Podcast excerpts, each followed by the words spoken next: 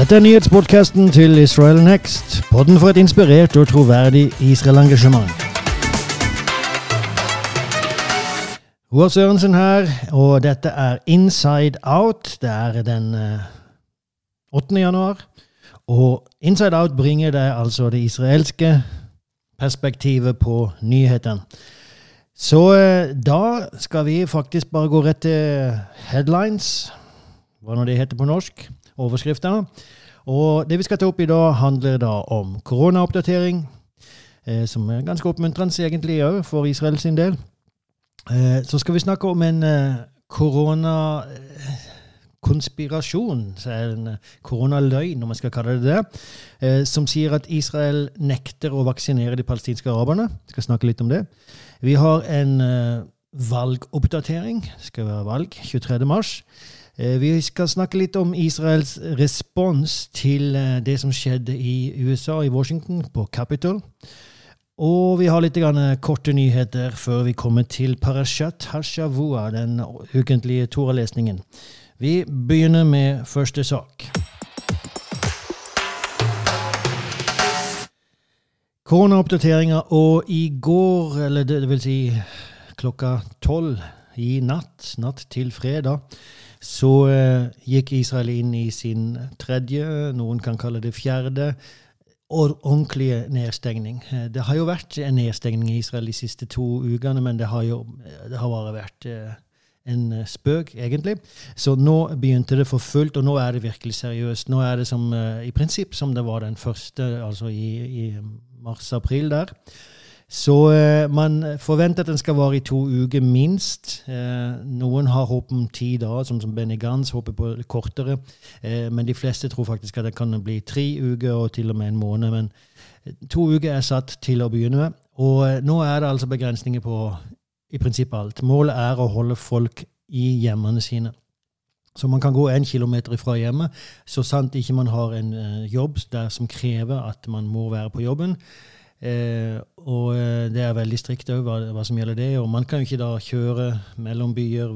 Det skal være politiet ute på veiene og sjekke virkelig nøye de som er ute. Hvorfor er dere her ute, osv. Så, videre. så eh, det her er seriøst. Eh, alle butikker, alle sosiale tilstelninger. Man kan ikke besøke noen. Man kan ikke gå hjem til noen andre, så man kan være maks fem sammen. Så eh, det, det er eh, virkelig seriøse restriksjoner her. Museer, eh, nei, ja, museer er jo stengt, men òg synagoge, så klart. Eh, de har vel stengt for det meste av det her siste året, så det, det er uh, alvorlig. Eh, årsaken er at Israel nådde faktisk 8000-8200 nye smittetilfeller hver dag her. De, de, siste dagene så har det vært oppi der. I går var det nede i 7000 et eller annet.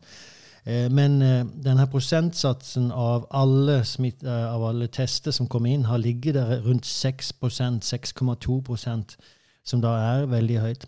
Så man forsto at det her holder ikke. Vi, vi, er nødt til å sette i gang en seriøs eh, nedstengning. Så all skolene er jo så klart også stengt, da.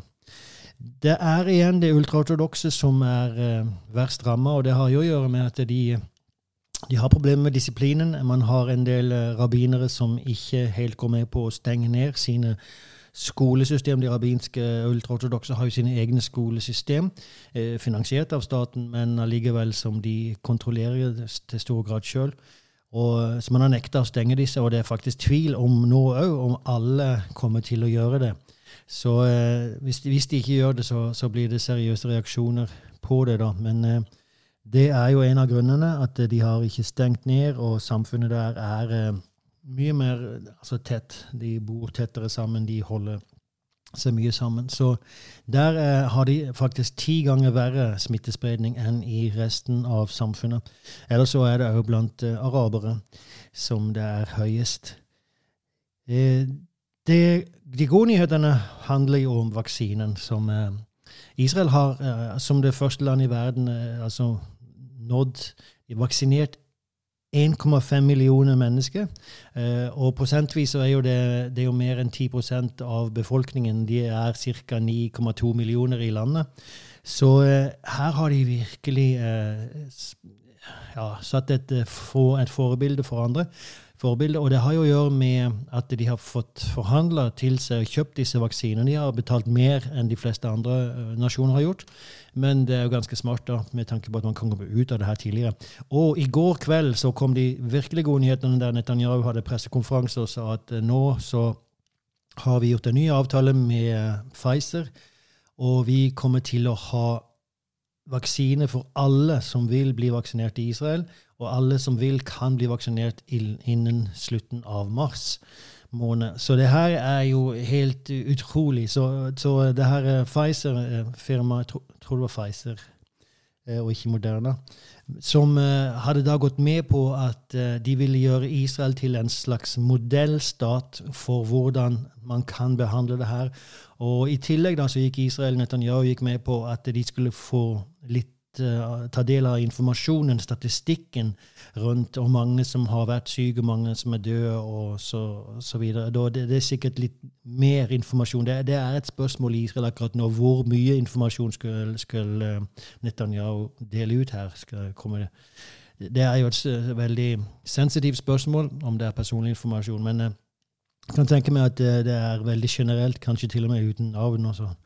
Så uansett, det her er gode nyheter for Israel, så vi, uh, vi, er glade for det. Og uh, så vet vi jo at Israel har et, et, system som er veldig effektivt for å gjennomføre vaksinasjonen. Så veldig herlige nyheter for Israel når det gjelder det. Så en nedstengning, men man ser en slutt på hele pandemien i Israel.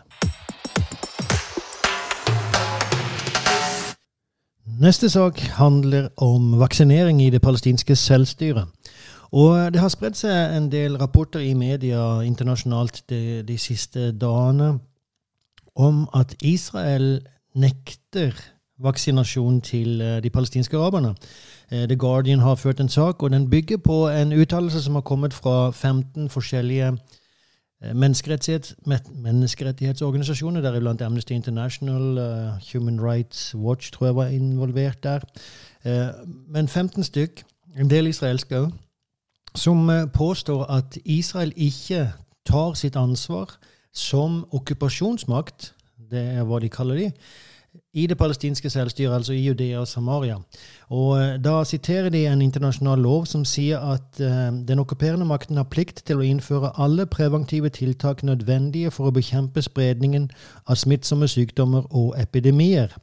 Og eh, Så fortsetter selve uttalelsen, da, ifølge disse 15 organisasjonene, at dette inkluderer uh, å støtte innkjøp og distribusjon av vaksiner til den palestinske befolkningen som er under Israels kontroll. Eh, bare for å ta ordet okkupasjon, da, så Israel erkjenner jo ikke at de er en okkupant. Og eh, det er veldig gode grunner for dem, for de er ingen okkupant. Eh, men de har sagt at eh, vi kommer til å påta oss alle ansvar som hviler på en okkupasjonsmakt. Så vi oppfører oss som om vi er det, men vi er det ikke. For disse områdene som det gjelder, vi okkuperer det ikke, det er omstridte områder. Men det er ikke det som er den store diskusjonen her, egentlig. For Israel har som sagt sagt at de tar på seg den eh, byrden som det er å være en okkupant. Og da eh, må man jo spørre seg, så har de rett, da, disse organisasjonene at Israel ikke utfører sin plikt overfor de palestinske araberne. Og det har de ikke. Eh, og det er så trist at det her spres på den måten det gjør, for det er en sånn ondsinna løgn som, som, har vært spredd om jødene opp gjennom eh, middelalderen. Det, det, er ikke bare en løgn, men den er ondsinna, for den portretterer, beskriver altså jødene som ondsinna, direkte onde i sin natur. For om, om, det er så at man har mulighet til å hjelpe og ikke vil, da er det ondskap. Eh, så det som behøver å klargjøres, er det litt fakta, men òg en tolkning eller et tillegg, om man skal kalle det, til denne loven som Det internasjonale Røde Kors har gjort, for å forklare hva, hva menes egentlig med denne internasjonale loven. Så denne tolkninga eller forklaringa til internasjonale Røde Kors har blitt akseptert og blitt vanlig praksis da internasjonalt. Og de sier Den går tilbake til 1958, faktisk. De sier man kan ikke gjøre den, man kan ikke gjøre den okkuperende makten eneansvarlig for byrden av å organisere sykehus og helse, helsetjenester helsetjenester og innføre tiltak for å kontrollere epidemier.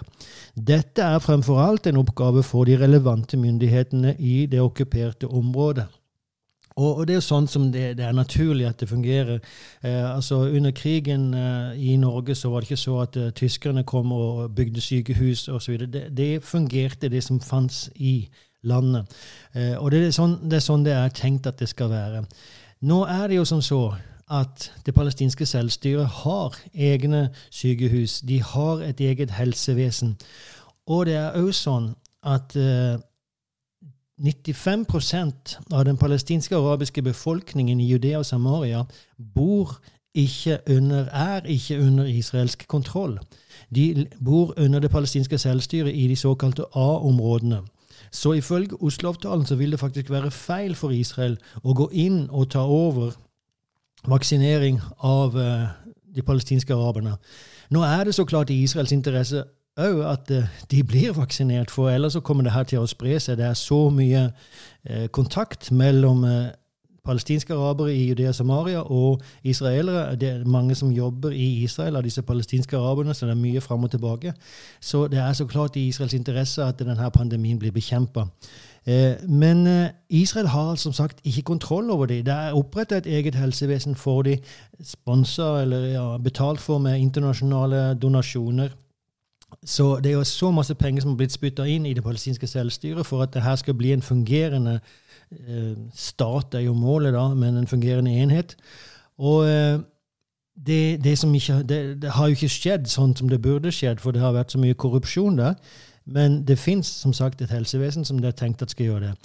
I tillegg så finnes det da avtaler om hvordan disse her tingene skal foregå, der Israel altså ikke skal blande seg inn i selve A-områdene. Derfor så har det palestinske selvstyret også tatt kontakt for å få den russiske vaksinen, og uh, forhandla seg til, fram til uh, forskjellige løsninger. Nå tror jeg ikke det landa på den russiske vaksinen til slutt, men uh, som jeg forstår, så har de uh, forhandla seg fram til at de får sine vaksiner i løpet av februar. Så det her er altså masse feilaktig. For det første så er ikke Israel en okkupant, eh, men det er som sagt en bisak. Men for det andre så bor disse her under det palestinske selvstyret. Det palestinske selvstyret har ansvaret for dem ifølge alle avtaler. Det palestinske selvstyret har heller ikke bedt Israel om hjelp i dette spørsmålet. Og det er klart, Hadde de gjort det, så hadde Israel gjort hva de kunne for å hjelpe. De, de ba om hjelp, faktisk. så Her om dagen så ble det sendt inn et fåtall vaksiner. Eh, titalls, eller om det var hundretalls. Eh, bare som de ba om for noen spesielle tilfeller. Jeg vet ikke om det var lederskapet sjøl, men de, de, disse ble iallfall sendt inn. Så eh, det er som sagt ikke Israels ansvar, og det er brudd på loven, internasjonal lov om Israel skulle gå inn og ta over dette ansvaret. Eh, et av kravene eller påstandene som kommer fra disse menneskerettighetsorganisasjonene, det er at eh, det palestinske selvstyret ikke har midler, ikke har ressurser til å anskaffe vaksiner.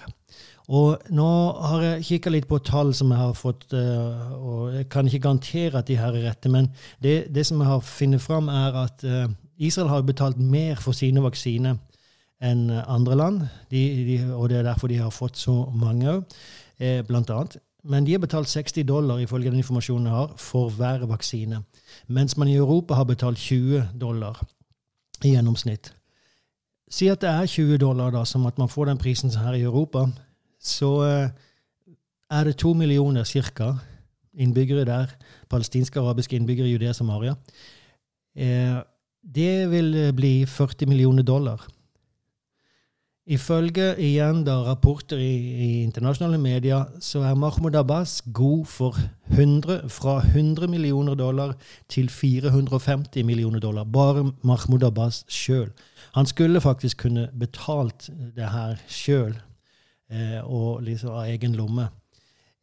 Nå er det litt polemisk å si det, men jeg sier det bare for å illustrere poenget her. at det, 40 millioner dollar det er ikke veldig mye penger. og Det er klart at det internasjonale samfunnet hadde med glede gitt disse pengene. Så det, det, er, det, er, ikke et argument, men det brukes altså av disse menneskerettighetsorganisasjonene likevel. Og det tar meg igjen da tilbake til her ondsinna løgnen som man sprer. Den bygger som sagt ikke på fakta. Det, det fins ja, jo noen ting som er sant i det de skriver, så klart.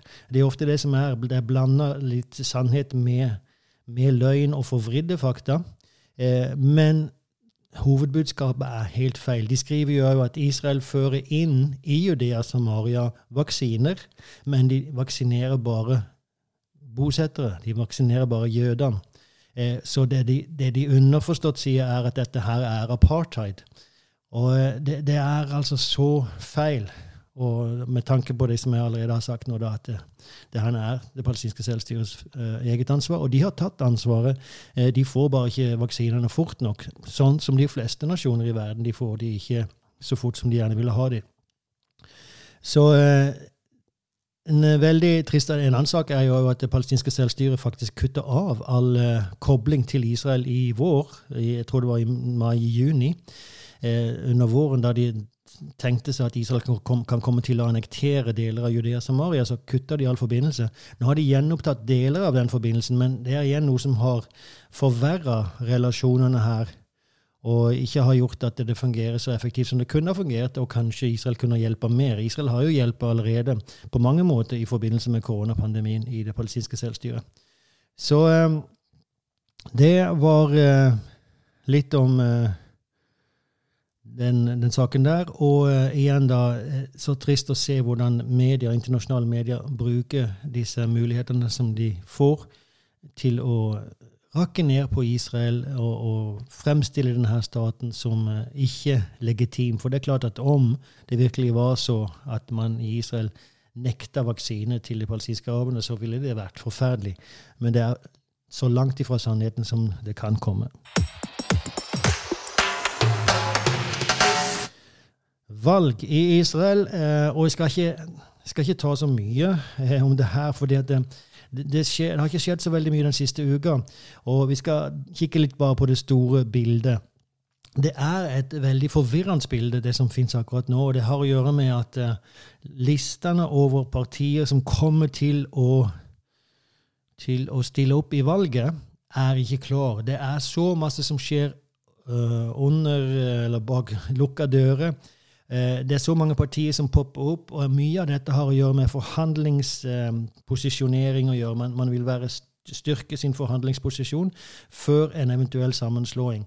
Eh, men la oss bare ta det litt i detalj eh, på å gå fra høyre til venstre. Så på høyresida har vi denne siste uka fått et nygammelt parti. Som har kommet eh, fram igjen og forsøker å fornye et parti her. Det heter Religious Zionism. Eh, og det er Bezalel Smutric som er leder for det partiet. Han eh, er jo nå en del av Jemina, partiet Jemina. Eh, og altså Han er et eget parti der, National Union, men i Men nå da så starter han opp det her partiet, og det virker igjen å være en forhandlingstaktikk for siden å kunne selge seg dyrt når han slår seg sammen med Jemina igjen, eller slå seg sammen med andre småpartier på høyresida. Så uansett, det her var et parti som igjen da kom opp, og Bezalel Smotrich er vel kanskje en av de mest uh, høyrevendte politikerne på det nåværende Knesset. Uh, så da vet du, har plassert vi han rent politisk. Uh, Jemina uh, har vi snakka om, det er altså lederen av Tali Bennett, og de inngikk da en surplus votes-avtale, hva nå de heter for noe. Det fins i Norge òg. Eh, der eh, etter valget, når man har telt opp alle stemmer og hvor mye, mange mandater som har gått til hvert parti, så fins det disse her overskuddsstemmene som eh, da skal regnes sammen, og da kan det forandre. Det kan gi et mandat eller to til et parti her og der. Det kan ta fra et mandat. Så det Jemina og Gidon Sars parti har nå inngått en avtale om at uh, de to partiene skal samarbeide om disse stemmene, sånn at uh, et av de partiene vil sannsynligvis få en sånn ekstra, et ekstra mandat. Det, um, det, er ganske interessant, fordi at Gidon Sars parti, altså Nytt Håp, som er det helt nye partiet, Gidon Sars som tilhørte Likud-partiet, gikk ut av det bare for et par uker siden og starta Nytt Håp. det har tradisjonelt, eller tidligere, vært at Jemina og Likud har hatt denne avtalen, men nå er det altså gjort med nytt håp. Og det kan si noen ting om at Jemina ikke har uh, interesse av å gå med Netanyahu, ikke har tenkt å gå med Likud og Netanyahu etter valget. Eh, og det er et stort spørsmål. Eh, Naftali Bennett er vel den eneste som ikke har sagt tydelig om han vil sitte under eller med Netanyahu, mens de fleste andre er veldig tydelige på at de ikke kommer til å gjøre det.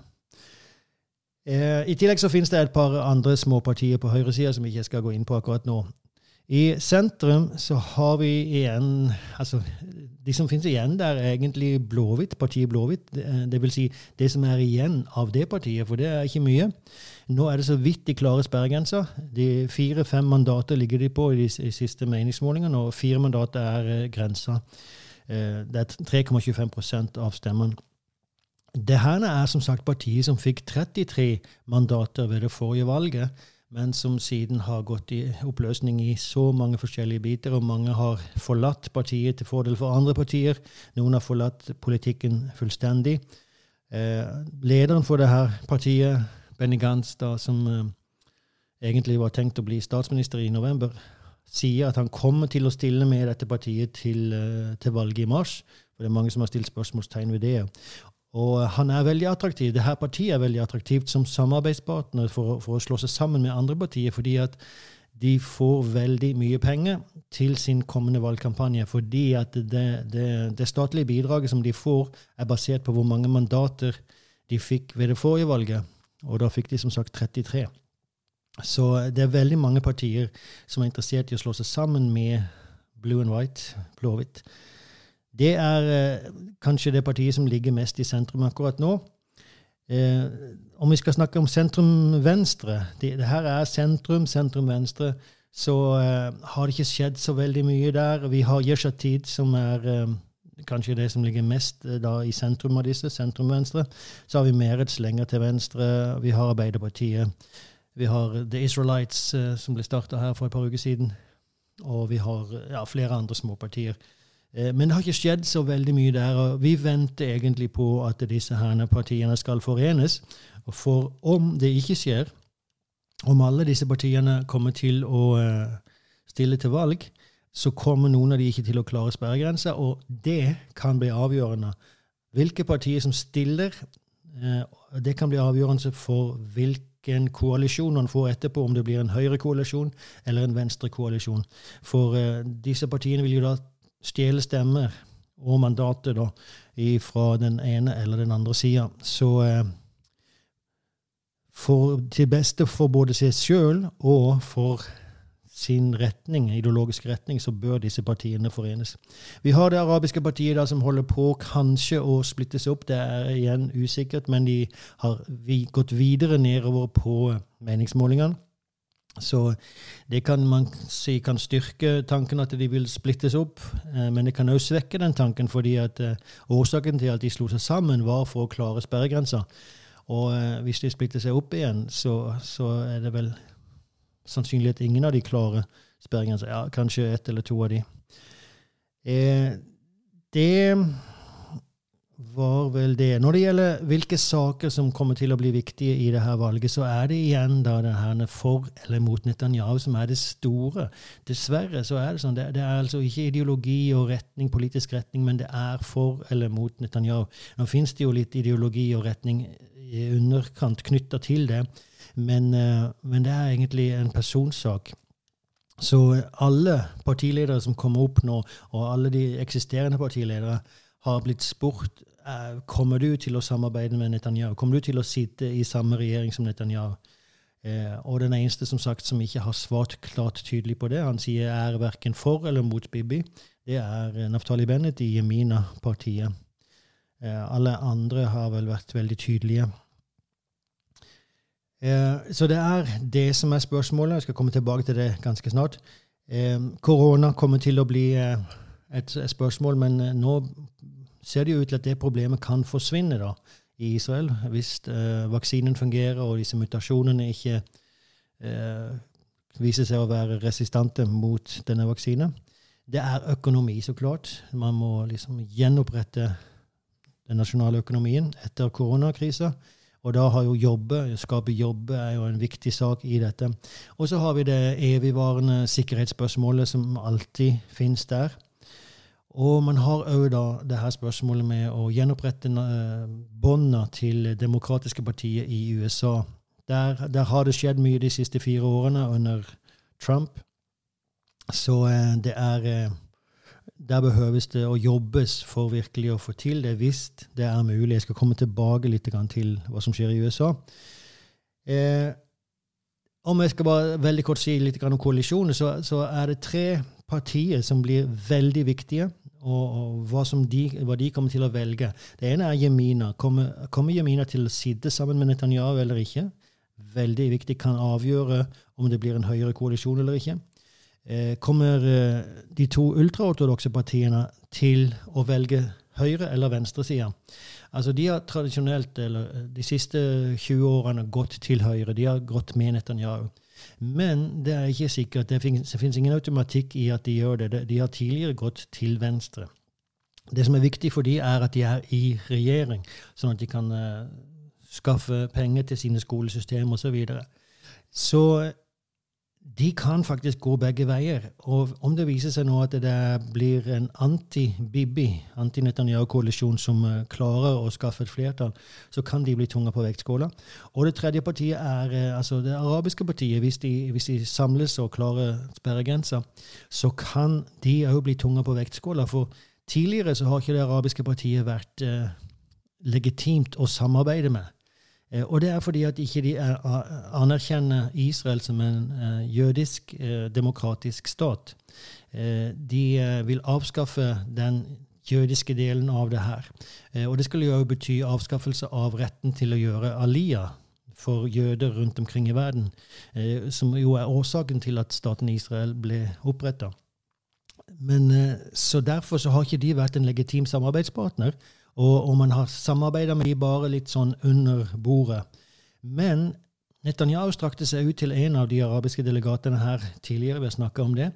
Og det har gjort at man nå på venstresida òg våger å snakke om et samarbeid. Så det, det her faktisk kan lede til en slags uh, minirevolusjon i israelsk politikk, der det arabiske partiet til slutt blir legitimt.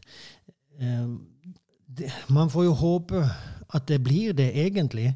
Men man får håpe at de har andre ledere. Det, det, som har vært problemet, er jo ikke den arabiske befolkningen, det er de arabiske lederne på Knesset som har vært veldig mot Israel på forskjellige måter. Så, eh, men man behøver et parti som kan tale for de arabiske statsborgerne i Israel, eh, og kan en, sett, bli sett på som en legitim en legitim samarbeidspartner. Og det, det kommer de ikke til å være så lenge de støtter terrorisme og eh, er imot en, en jødisk stat. Så det her er tre partier som man, eller fire egentlig, men det er Jemina, det er de to ultraortodokse, og det er det arabiske partiet. Hvor de velger å gå, og det, for det siste, det arabiske partiet, om de kan bli inkludert, kan avgjøre om vi får en høyre- eller en venstre koalisjon. Snakke litt om israelsk eh, gjensvar til det som skjedde på Capitol. Og eh, hva, hva, hvordan reagerer man i Israel på dette? Og det er jo ikke forskjellig fra hvordan det er i Norge og i andre land her omkring oss i Europa. Eh, det er sjokk, og, og det er fordømmelse som, som, er over hele linja, fra høyre til venstre. Eh, dessverre så er det jo på venstresida i Israel, og som det kanskje er her, litt, litt skadefryd over det hele. Og at ja, ok, nå ble, nå ble Trump avslørt. Eh, det finnes jo noen i Europa som sammenligner Netanyahu med Trump, og mener på at derfor så kan det samme skje i Israel. og han holder på å lede Israel på denne måten. Det fins ingen sammenligning, la meg bare si det.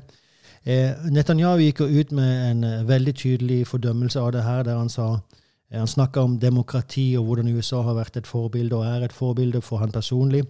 Eh, og Så sier han lovløshet og vold er det motsatte av disse demokratiske verdiene, som både amerikanerne og israelerne har kjært. Herjingene på Capitol var en skamfull gjerning som må kraftfullt fordømmes. Jeg er ikke i tvil om at det amerikanske demokratiet vil seire. Det har det alltid gjort. Det her var Netanyahu sin reaksjon. Så uh, det her er en skamfull gjerning som må kraftfullt fordømmes, uh, sier han. Og uh, han gjør jo det her med tungt hjerte fordi at Donald Trump har vært en veldig god venn av Israel. Og det, har, det er jo derfor som har gjort det så ekstra trist at det her skjedde. Denne diskusjonen da har jo tatt finne sted i Israel om skulle det her kunne hende i Israel. Og eh, på en måte så kan man tenke seg at altså, det er veldig sterke meningsytringer på begge sider, og ganske sterke skiller i det israelske samfunnet.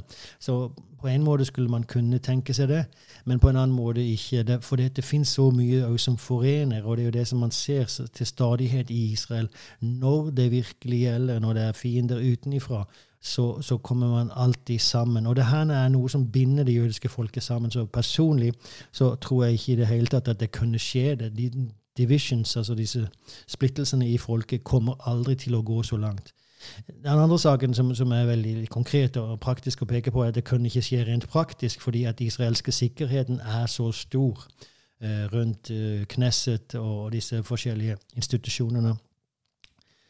Så eh, det andre som man har snakka litt om, er eh, hvordan kommer det til å gå nå som Biden skal ta over som president, og nå som han òg fikk eh, Senatet, for flertall i Senatet, i tillegg til i Kongressen. Så, så du kan si at eh, all makt kommer nå til å være i hendene på Det demokratiske partiet. Og med tanke på den utviklinga som har funnet sted i Det demokratiske partiet, der det har blitt ganske mye mer venstreradikalt, og ikke minst anti-israelsk, med tanke på Rashida Tlaib, den, den representanten i, i, Kongressen, og uh, Ilan Omar, som, er, som tydelig er antisemitter. Men det er bare to, og de leder faktisk en gjeng av mange andre. Så, uh, så fins det problemer her òg eh, i forhold til Israel. Og det, er det, som er, eh, det vil kreve tid for Israel å gjenopprette relasjonene, hvis det er mulig, med det demokratiske partiet. Eh, så det er en sak som opptar israelerne de siste dagene. Veldig kort. Israelske eksperter er overbevist om at fremtidige kriger kommer til å da så kommer man til å bruke droner altså i stor grad. kommer til å være dronekriger. Og Derfor så har eh, israelsk firma utarbeida en sånn her jammer som skal så eh, forstyrre signalene til disse dronene som kommer inn eh, med våpen for å angripe landet. Både Hizbollah og Hamas, disse terrororganisasjonene, har jo anskaffa seg droner og holder på å trene flittig med disse her. Så det israelske firmaet da har lagd en sånn, en sånn, maskin som kan eh, fange opp droner 20 km borte, og kan forstyrre de sine signaler og enten se til at de da blir, må sendes tilbake til, til, den som har sendt de, eller at de må lande. Så eh, det her er jo et veldig viktig våpen. Eh, man har brukt det her på konserter, eh, store konserter over internasjonale stjerner, bl.a. i Italia. Eh, der mange vil sende inn eh, droner for å filme. og Hvis det er på en åpen stadion, f.eks., så vil man filme det her og se det gratis. Eh, så da har man hatt denne jammer til å forhindre det. En annen sak i korthet er at terroristene i Gaza har hatt en, en øvelse, de forskjellige terroristorganisasjonene Hamas er jo den største, eh, men islamsk jihad er nest størst og utfordrer til Hamas. Men eh, tolv forskjellige terrororganisasjoner i Gaza har nå hatt en sånn her dag der de har eh, gjort en øvelse den 29. desember. Gjort en øvelse der de symbolsk da skulle stå imot et israelsk angrep, og har da ja, på forskjellige måter, både i, til vanns og, og på land, Eh, simulert angrep, israelske angrep med tanks, med fly osv. Og samtidig da skutt raketter. Alt er jo simulering. Eh, skutt raketter mot Israel, eh, brukt sine tunneler for å kidnappe israelske soldater osv. Eh, det, det budskapet man vil sende fra Hamas og disse terrororganisasjonene, er vel egentlig at de står ena og spesielt med tanke på normaliseringen som pågår mellom Israel og arabiske nasjoner, så vil de minne alle om at hei, det fins en, en, kamp her. Vi står ene i kampen mot Israel. Faktiske situasjonen er derimot at Hamas eh, bruker denne øvelsen til å forsøke å legge sin vilje på disse tolv organisasjonene, som, som, er ganske selvstendige, mange av de, og ikke minst eh, Palestinian Islamic Jihad, som er styrt fra Iran. Eh, siste sak er, har å gjøre med denne steinkastinga som pågår mot uh, jødiske uh, vehicles, uh, kjøretøy, i Judea og Samaria. Og det her er noe som jeg har nevnt tidligere, som pågår daglig. Kan, daglig på en vanlig dag så kommer det inn rundt 20 anmeldelser til politiet i eh, Judea Samaria om sånne steinangrep. Dette er jo livsfarlige saker som har drept flere, mange ganger så har det jo drept folk. Eh, om ikke det dreper direkte, så, så, kan det drepe ved at man avleder sjåføren. Hvis du får en stein i frontruta, så blir du så sjokkert at du kjører bilen i grøfta og, og blir drept på den måten. Eh, så det her er et dødelig våpen. Det høres så, så, så primitivt ut, men det er et dødelig våpen. Eh, så eh, det her er angrepene. Det er 20 stykker som blir rapportert i gjennomsnitt hver dag. Eh, mange blir ikke rapportert fordi at de skada ikke, de traff ikke. Men det her pågår som sagt på daglig basis i Judea Samaria, der palestinske arabiske terrorister, ofte tenåringer, kaster disse steinene. Så jeg vil bare minne på at det her er en sak som pågår. En, en av årsakene til at vi gir denne informasjonen, har jo å gjøre med at uh, vi vil gjerne at du skal be for de forskjellige tingene. Det skal gi deg informasjon, så du kan be mer directed, mer retta bønner. Så uh, det her er definitivt en sak å be om. Til slutt så skal jeg bare si noen få ord om Parashat Shavua, som altså er den ukentlige Toralesningen, og den er i dag fra Shemot. Shemot heter den, det er et sånt navn. Og det er begynnelsen av andre Mosebok, som på hebraisk faktisk hele boka heter Shemot, men òg denne parashan. Eh, så det er åpninga av eh, andre Mosebok, 1.1 til 6.1. Og eh, bare nevne kort et par saker. Det ene er at uh, her i denne delen, da, i disse kapitlene, så får Moses oppdraget fra Gud. Ta mitt folk ut av Egypt og inn til løfteslandet. Uh, med andre ord, gjør Alia. Uh, og det er kan si, ordren, det er hovedbudskapet til Moses. Ta mitt folk gjør Alia. Og det bare viser på hvor viktig det her var. Moses er jo liksom den store helten, spesielt i jødisk tradisjon. Eh, så fins det et uttalelse at fra Moses til Moses fins det ingen som Moses. Og da mener de Moses i, i Bibelen der, og Moses Maimonides, som levde på 1200-tallet etter Kristus. Eh, så, så, uansett, Moses er liksom den store lederen i jødisk tradisjon. Og eh, det første budet han får, det første befalinga han får, og hovedoppdraget hans, det er altså 'ta mitt folk til løfteslandet'. Gjør Alia. Interessant. En annen sak eh, er at uh, det står om Moses at han var kaved peve kaved lashon. Altså tung eh, i munnen og tung i tunga. altså så vel sen til å tale og sånt. Eh, man mener at han stammer til og med. Eh, men Moses er altså en eldre mann når han får det sitt kall. Han er 80 år gammel. Han eh, er stamme og er slow of speech, sen til å tale. Liksom, ingen god taler. Han er eh, livredd for det her ansvaret. Han forsøker å, å springe fra det. Ja, men jeg, jeg, kan ikke tale, jeg er ikke dyktig, jeg kan ingenting. Um, og han er ukarismatisk, ser det ut som. Så klart kan han ikke tale, så er han ukarismatisk. Og hans våpen er altså en stokk. Det som han uh, gjør, det er at han, han, foretrekker å jobbe sammen med andre. Det er derfor Aron kom inn i bildet. Og han er ydmyk. Så der har du to andre ting. Og bare leste hvordan en av disse kommentarene som jeg leste, sier dette er den formen for ledere vi vil ha i vårt land i dag. Veldig bra sagt, må jeg si. Det står jo om Moses at han var den mest ydmyke mann på jorda. Og det er interessant at han skriver det sjøl.